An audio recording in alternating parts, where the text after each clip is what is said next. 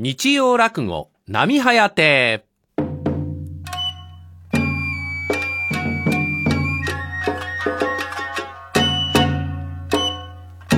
おはようございます。日曜落語、波早亭、石亭の伊藤志流です。今朝もこれからの30分、落語でたっぷりお楽しみいただきます。どうぞ最後までごゆっくりお付き合いください。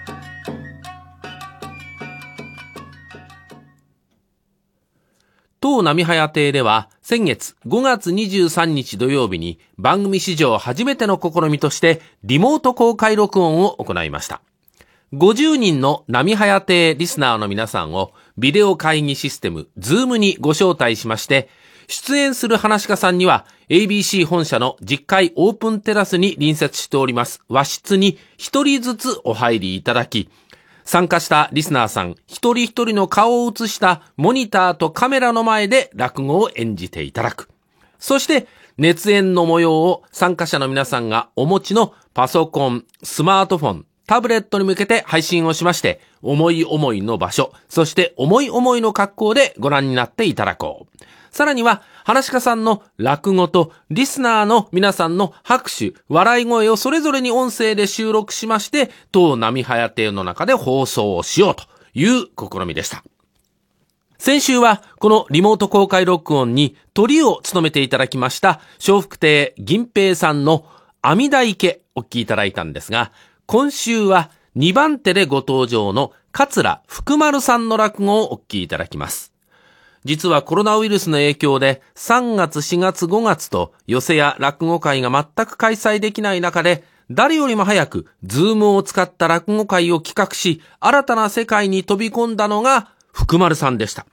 今回、当波早亭のリモート公開録音を実施するにあたっても我々が次から次へと予期せぬ事態にあたふたする中、その都度冷静かつ貴重なアドバイスをいただき、無事に公開録音を終えることができたというわけです。桂福丸さん、この点でも本当にありがとうございました。では、桂福丸さんのリモート落語です。講座に上がる前と後のインタビューと合わせてお聞きください。さあ、それではもう、はいオンライン落語会もスタートしまして、はい。ジモンさんの落語を聞きながら、はい桂福丸さんでいらっしゃいます。よろしくお願いします。結構おやりになってるんですよね。ここを一月で5、6回やりました。どうですか？ね、面白いですよ。はいあの、お客様の声がね、聞こえる。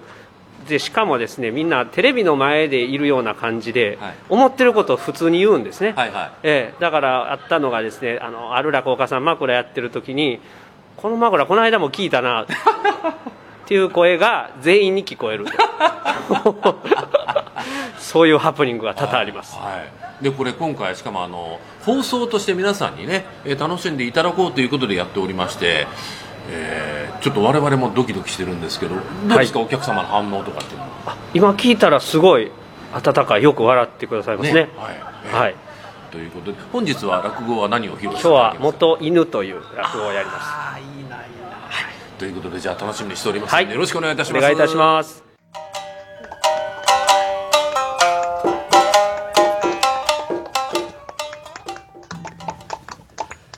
ありがとうございます。えー福丸でございます。えーまあ、外歩いてますと、もう少しずつね、えー人も出てこられて、なんとなく、暖かい気分になるこの頃ですけれども、まあ、やはりね、あの、我々寄席の方はですね、まあ、なかなか前みたいにね、たくさんぎゅうぎゅうにお客様入っていただくというのは、まだ難しいそうですね。うん、こう席を空けて座っていただかなあかんのでございます。で、特に落語会がね、やっぱり気をつけろと言われてまして、なんでかというと、落語会、あの、笑いますでしょ口を開けるから、で、これ、唾が飛ぶからね、気をつけてくれって言われてるんでございます。ですから皆様ね、これから、生の落語会もう一度行かれるときはね、あの、自分の健康を守りたければ、あの、面白い落語会に行かないことでございます。そうすると口開けて笑いませんから。ね面白い落語会行ってあげません。銀平さんの落語会には行かないように。ね？お気をつけください。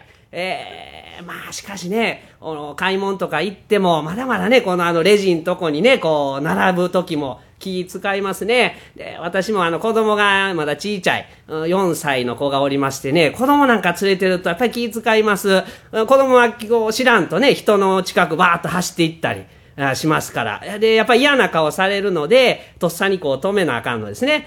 で、4歳から分からへんかもしれんけど、あのね、今ね、あんまりちょっと人にこうベタってくっついたらあかんねんで、と。ほんで、あそこ書いてるでしょあの、ソーシャルディスタンス言うてね。まあ、とりあえずくっついたらあかんねん言うたら、うん、うん、分かった、言うて。ね、うちの子なかなか賢いんでございます。うん、で、夜にね、寝る前に、あのー、寝る前のね、ぎゅーって言ってね、こう、おやすみって言ってぎゅーってしようとしたら、ソーシャルディスタンスって言って離れられたんでございますね。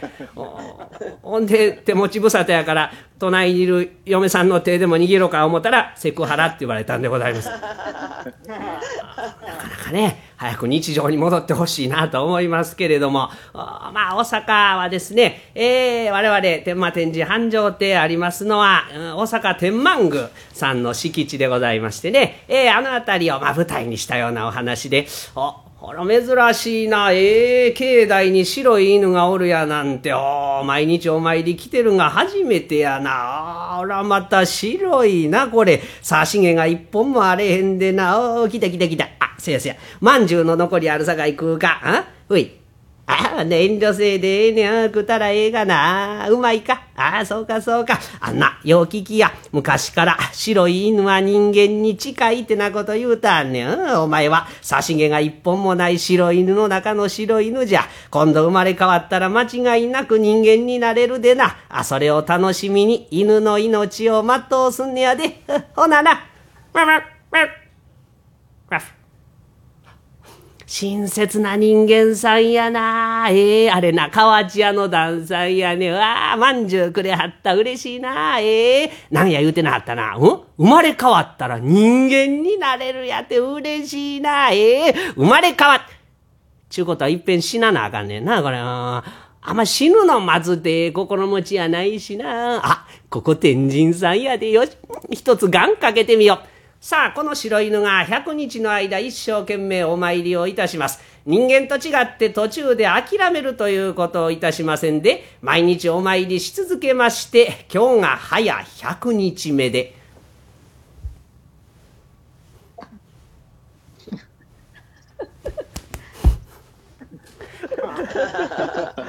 天神さん、あのね、今日100日でございます。ええー、何とぞ人間にしてくださいませ。あんね、100日の間も大好きなお魚も食べんと頑張りましたんで、え人間にしてくださいませ。さあ、この思いが天神さんにも伝わったと見えます。どこからともなく一陣の風がビューッいった急に風が吹いてきてひっくり返ったがな、ええ怪我してへんか。あれ尻尾があれどこ行った？人間やうわほんまに人間だったうわー天神さんありがとうさんでございますおかげさんで人間になることできましたえっしゅあサブあ、そうか。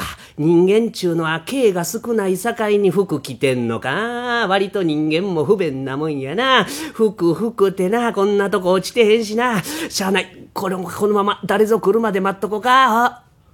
あ、あれ、河内屋の旦さんや。え、旦さん河内屋の旦さんはいはい、どなたです裸の男が手招きしてるでは。あ、なんぞご用ですかな。旦さん、こないだはえらいごちそうさんで。いや、ごちそうって、初めてお目にかかるように思いますねやが、何言うてまんねん、毎日この境内で会うてますがな。こないだも本殿の裏で、わたいが裸で寝てたら抱いてくれましたやろそんな気持ち悪いことしてないと思うがな。わ、わかった。あんた、わけのわからんことおっしゃるとこ見ると、田舎の人じゃな。で、悪い博打でもして、身ぐるみ剥がされて、そんな格好になったんじゃろ。いやいやいや、もう期間でもわかりますでな。ああ、まあ、ここでお頼も何かのご縁じゃ、できることはさしてもらいまよ。まあ、とりあえずその格好ではいかんさかいな。古着屋さんへでも行きまひょか。あまあ、それまではしゃあない。うん、この、私の羽織でも羽織っときなはれ。うん、羽織な。あ口に加えて回したらいかんで。頭からかぶるんと違うね。引いて寝たらあかんで、あんた。え？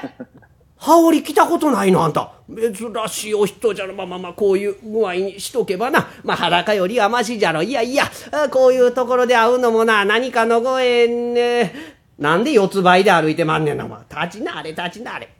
さあ、実に優しい旦さんで、着物を揃えてもろた上にご飯まで食べさせてもらいます。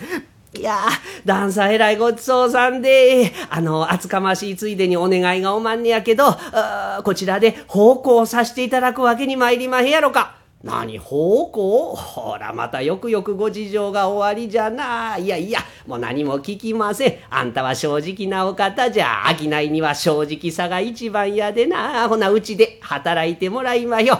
ほな、私表から入りますでな。あんた裏から入んなされや。う。あ、帰りました。あ、お清いるか。ああ、実はな、ちょっとご縁があって、今日からうちで働いてもらうことになったお方が台所にいてなさる。いろいろ教えたってくれるか。あ、あんたこっちじゃこっちじゃ。そこの桶に水入ってますさかいな。んで、ああ、足やろうて上がっとくれ。うん、足やろうてな。ああ、あんたそのまま上がったあかんがな。もうびっしょびっしょにしてからに、ほな、そこの雑巾で足拭いて、うん、ついでに濡れてる廊下も拭いてくれるか。うん。雑巾がけうまいなこの人。もお早いなこの人は。四つ倍になると歩くより早なんねんな。あ済みましたか。ほんだなあの雑巾は水でゆすいでな。ほんでなゆすいだ水はな飲んだらいかんねんあんた。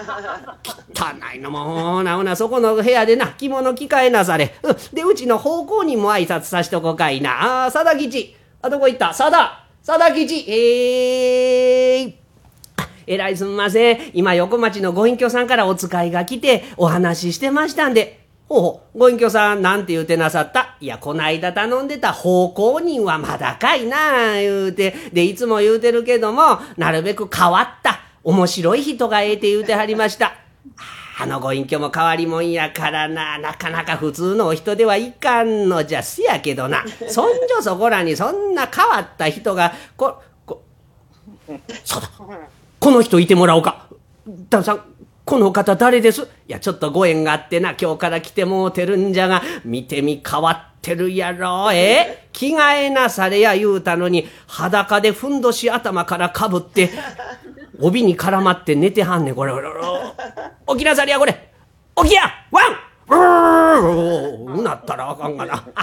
いやいや、あんさんの奉公先が決まりそうじゃ。本お近くのご隠居さんでな、おばあさんと二人暮らしで気ままなもんやで。ほな、私がな、お連れしますでついてきなされ。いやいや、奉公先が決まりそうでよかったよかった。うちな、いてもうても構やせんのじゃが今、人手が足りてましたな。旦さん以来すまい。しょんべんさせてもてよろしいかほな、そこの電信柱の陰でしなはれ。器用な人やな。片足上げてできはんねんな。すみましたか？いや、あんな、うち泣いてもうても構やせんのじゃが、今人で、旦さん証明させてもうてよろしいか？ほな、そこの電信柱の陰でしな。すみましたか？いや、あんな、まあ、うちもな、いろいろし、旦さん証明させてもうてよろしいか？あんた何べんしまんねん。電信柱のたんびにしょんべんやないか。いや、こないしとかんとね、道に迷います。何をわけのわからんこと言うて。まあ、これぐらいの人なら、ご隠居も喜んでくれるじゃろ。こっちじゃ、こっちじゃ。あ、あえらいすんません。河内屋でございます。あこれは河内屋さん自らおいでいただくとは、奉公人は見つかりましたかな。え、お望みの変わったものが見つかりましてな。あこっちや、こっちや。ご隠居どうでございます？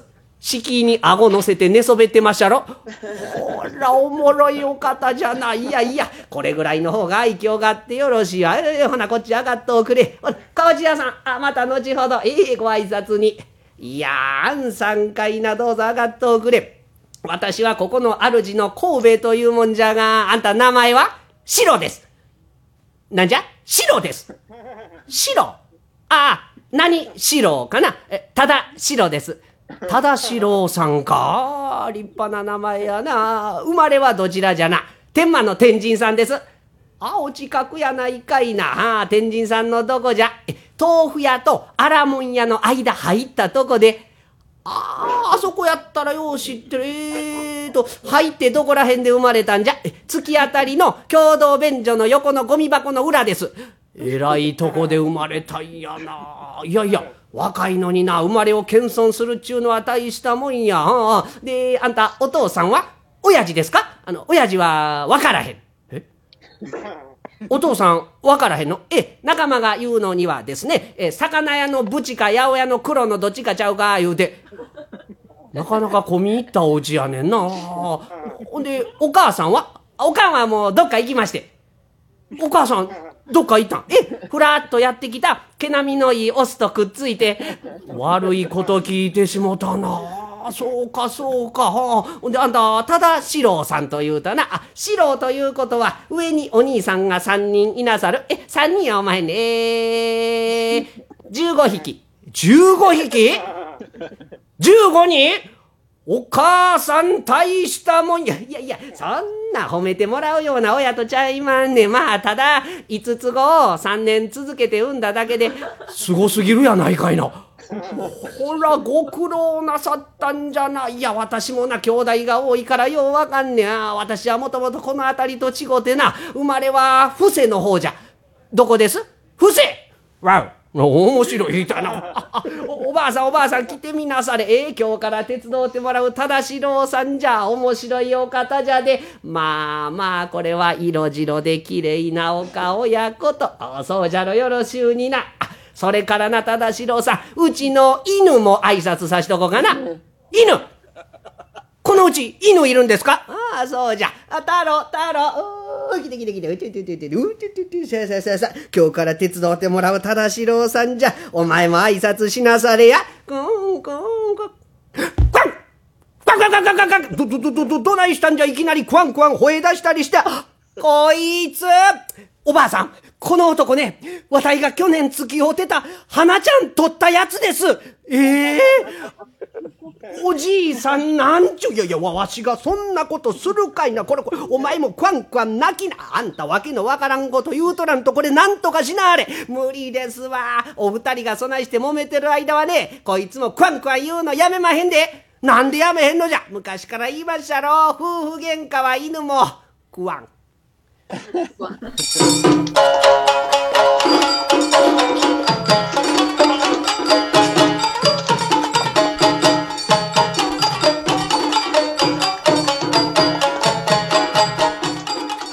えー、演じ終えたばかりの桂福丸さんでいらっしゃいます。どうもありがとうございました。ましたまあ、実数で言いますと、えー、50人プラスちょっとまあ我々スタッフもこうズームで参加してますんで、まあ、60人ぐらいに見ていただいた感じなんですがいかがでしたですか？いやあのこちらはやっぱり局さんなんで画面が大きくてお客さんの顔が大きいので、はいあのかなりリアルな会に近かったですね。そうなんですね、はい。あの失礼としましては講座を作ります。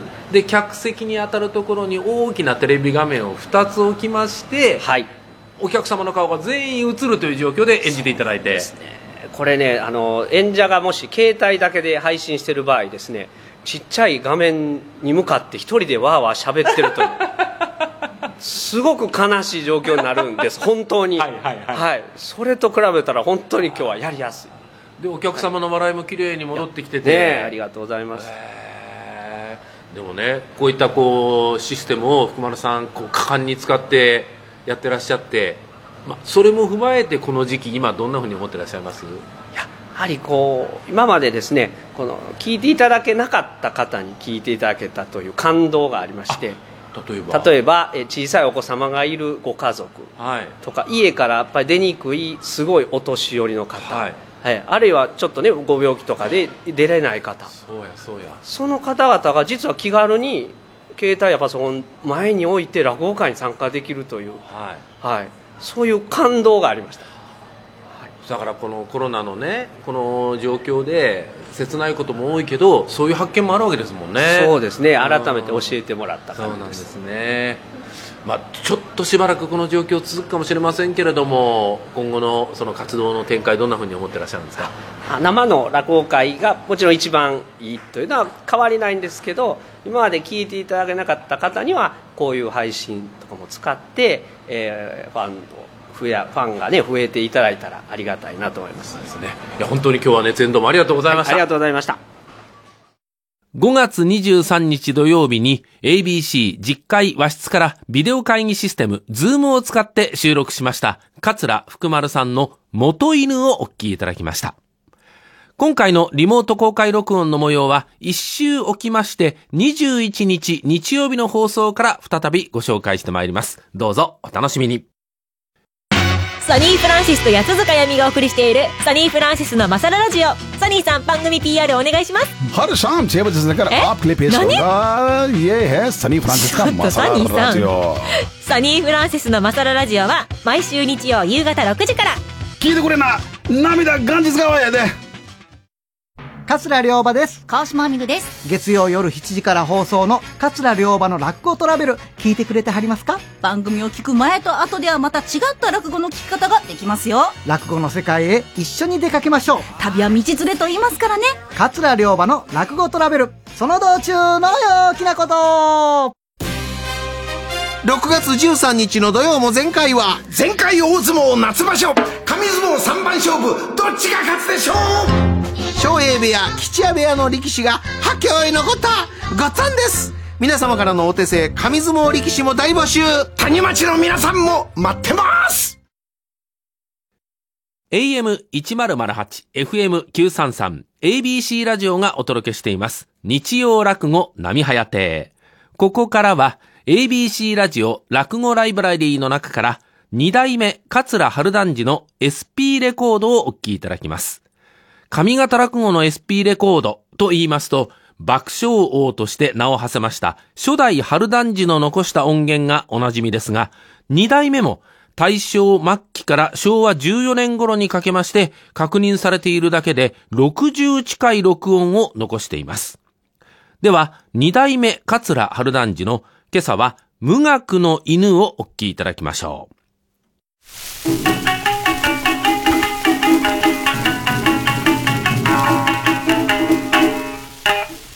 だんだんだんだんと変わってまいりまして全てのもんに流行り鎖が出てまいります。今日日は非常にこの犬が流行ります。犬もだんだんだんだんと種類が増えてまいりましたような心持ちがいたします。外国からわらわら日本を訪れてまいります犬。今日日は流行っておりますのはあのセバードとかいう耳の長い顔の前へじーっとしょんがったやつが根が高いそうで。私のようなこんな丸ぼっちゃな顔はさっぱり親い。でてんと寝ぶちがござりまへん。セバードというやつは我々社会のような貧乏人ではとても買えんではな。腹お金のたんとある空き地のたんとある広い広いとこで買わんと我々のような貧乏人ではしょべとこでかなこない言うとりが同じの類でも日本人が愛しますのはテリアあるいはチン。チンというやつは非常にこのご婦人が愛なはるというのはご婦人があのチンを抱いてなはると、えー、見た目がよろしいチンというやつはご承知の目と鼻と口とがしゃしゃこましいひついてしもて目に屋根ためよって涙こぼして鼻垂れてばばちい顔してるほど寝ぶちがあるそうでそのややこしい顔の汚い犬を抱いてなはるさかいにご婦人の顔が一層きれいに見えます。ええー、のけな。うわ抱いてはりのおもろい顔やな。わええ顔やな、おもろい顔やなと、犬を背景にご婦人が艶やかに見えます。それはちょこちょここの見受けする中に、ちんと同じような顔したご婦人が死んだやつな、これややこします。どっちがいいんやら、どっちがご婦人やわからん。ははあのご婦人があのチン産みはったんかしらんてなことがよく我々社会でも言うて笑うことがござります。で犬犬って一概に申しますが犬ほど可愛いやつはござりません。3日かいますと3年の面白可愛いもんでますな。何しろご主人の足音なんか一丁も前から帰ってきますとちゃんとわかる。またげた箱が高げた箱が利休箱がゴム靴ゴム靴はちょっと分かりにくくおっしゃるけどああ足音はちゃんとわかる。うちらでおでこと叩いて待ってやる変わりもんではそれ一応変わりまして怪しいやつが来たなと思うと言うと己の足音もさじまへんじーと考えよってこいつは怪しいやっちゃな悪いことするやっちゃなと思うと足元はじっと空がきに行きよってうーんどくうーんどくどく毒や言うてよえらいもんですな相手は毒やと言われて知らずにまだ悪いことしてますと、今度は一丁し張り上げよって、ドゥブードブー泥棒やなんてわしゃい。あら、犬もだんだんだんだんと数が増えますと、兵隊さんの代理もするなんて変わった犬が増えてまいります。こんばんは、こんばんは、こんばんは。誰じゃ誰じゃ。コツコツ表叩くの誰じゃ。えー、私はね、今中までどこ行ってたんじゃ。安いもええ加減にしてんかい。もう、うん、ま、麻雀してたんじゃ。嘘つけ。麻雀麻雀ってこの頃なんじゃ、えー、喫茶店遊びをするそうな。今お父さんが心配して種に来てたがえ、いいんでやりいいんでやり。今中まだお父さん起きてるわ。はよいいんでやり。うん、さん気の毒だけどさん、今晩止めとくないがおっさん。若いもんが家を開けたとんなら。うちは心配するいね。うん、待って、犬道が怖いもんで探さんすんだけど、これは止めとくない。頼むさおさん。怖い何が怖いのじゃ。何が怖いのじゃ。う、あの、西の末ちょっと西だとこにお寺がお待ちやろ。お寺の前まで行くと、いつもぎょうさんぎょうさん犬が集会しとんだよ。で、犬が怖いのじゃ。バカ。何を抜かしてやつか。喫茶で遊びや麻雀で遊ぶやつが、犬は怖いってなこと人が笑うで、ほらしもない。えんなことやんでいいねいねいね。もうほんまにおっさん怖いのに。ほんまに犬は怖いねん。かっちゃなんぜ。ほんまに犬は怖いの。え、ほんまに怖い。よし。怖いのなら俺はその怖いことないようにまじないしてやろう。おさん、え、なんだまじない、あか、ある。左の手かじゃ、どうぞ。ここにそっと筆ついでがあれだから、どれ。えーと、こうと、こう、こう、こうと、どうじゃ。こういうが書いて、これをば、犬がワワンと言うてきよったわしが今その書いたそのひら手手のひらをは向こうにニュッと突き出すのに。犬はそれ見たらじきに逃げよる。あ、さやか？まじらしのおもろいな。ええー、なるほど。えー、この人噛むな？なあ、ほんなことさ、しょうね。この人噛むなって、まじないじゃないかい。それ見せてみ、きっと犬は逃げる。あ、だやかとにかくおさん、やりま。やってもしも犬が逃げなんだら帰ってこい。うち止めて、あはい、おい、どこやび、えすね、おぼぼり、え、おもろなってきたな、けど、え？昭和9年度やなんて、犬の世の中やなかいな、どうしたかで犬のほど、でもちゃんと犬のまじないまでこじられたんだかおもろいな、この人かむなつ、さあ、け。今日何やってきますか。あ、いつもの小上がり来た方で見ていけすかな。客たらかんと今日は、まじないがあんねえぞ。ブーがった。来やがった、来やがった。こらどうじゃ、こら。あ、あ、まじない、逃げよる、これおもろいな。まじないって気分やな。ブーこらどうじゃ、これどうじゃ、こら、もうに、あかんぞ。おうで、こら。ブンブーうわあのガキや。い犬の会場。一番多いガキや。あのガキ、あのガキは怖いねだからな。ああのガキ怖がれとったら、こ、こんばんは、おもろいこら。来てくだれ、来てくだれ。何これどうじゃこれあえ逃げよこれ逃げよおもろいなこれブーこれどうじゃこれどうじゃ。ブーこれどうじゃ。ブーこれどうじゃ。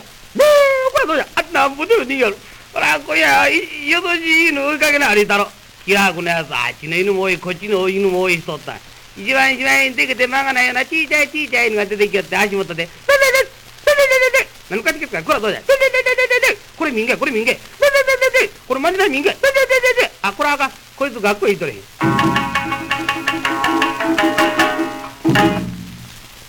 ABC ラジオ落語ライブラリーの中から2代目桂春団治の SP レコード無学の犬をお聴きいただきました。今日の波早亭いかがでしたか？来週もまたこの時間にお会いしましょう。日曜落語波早亭関亭の伊藤志流でした。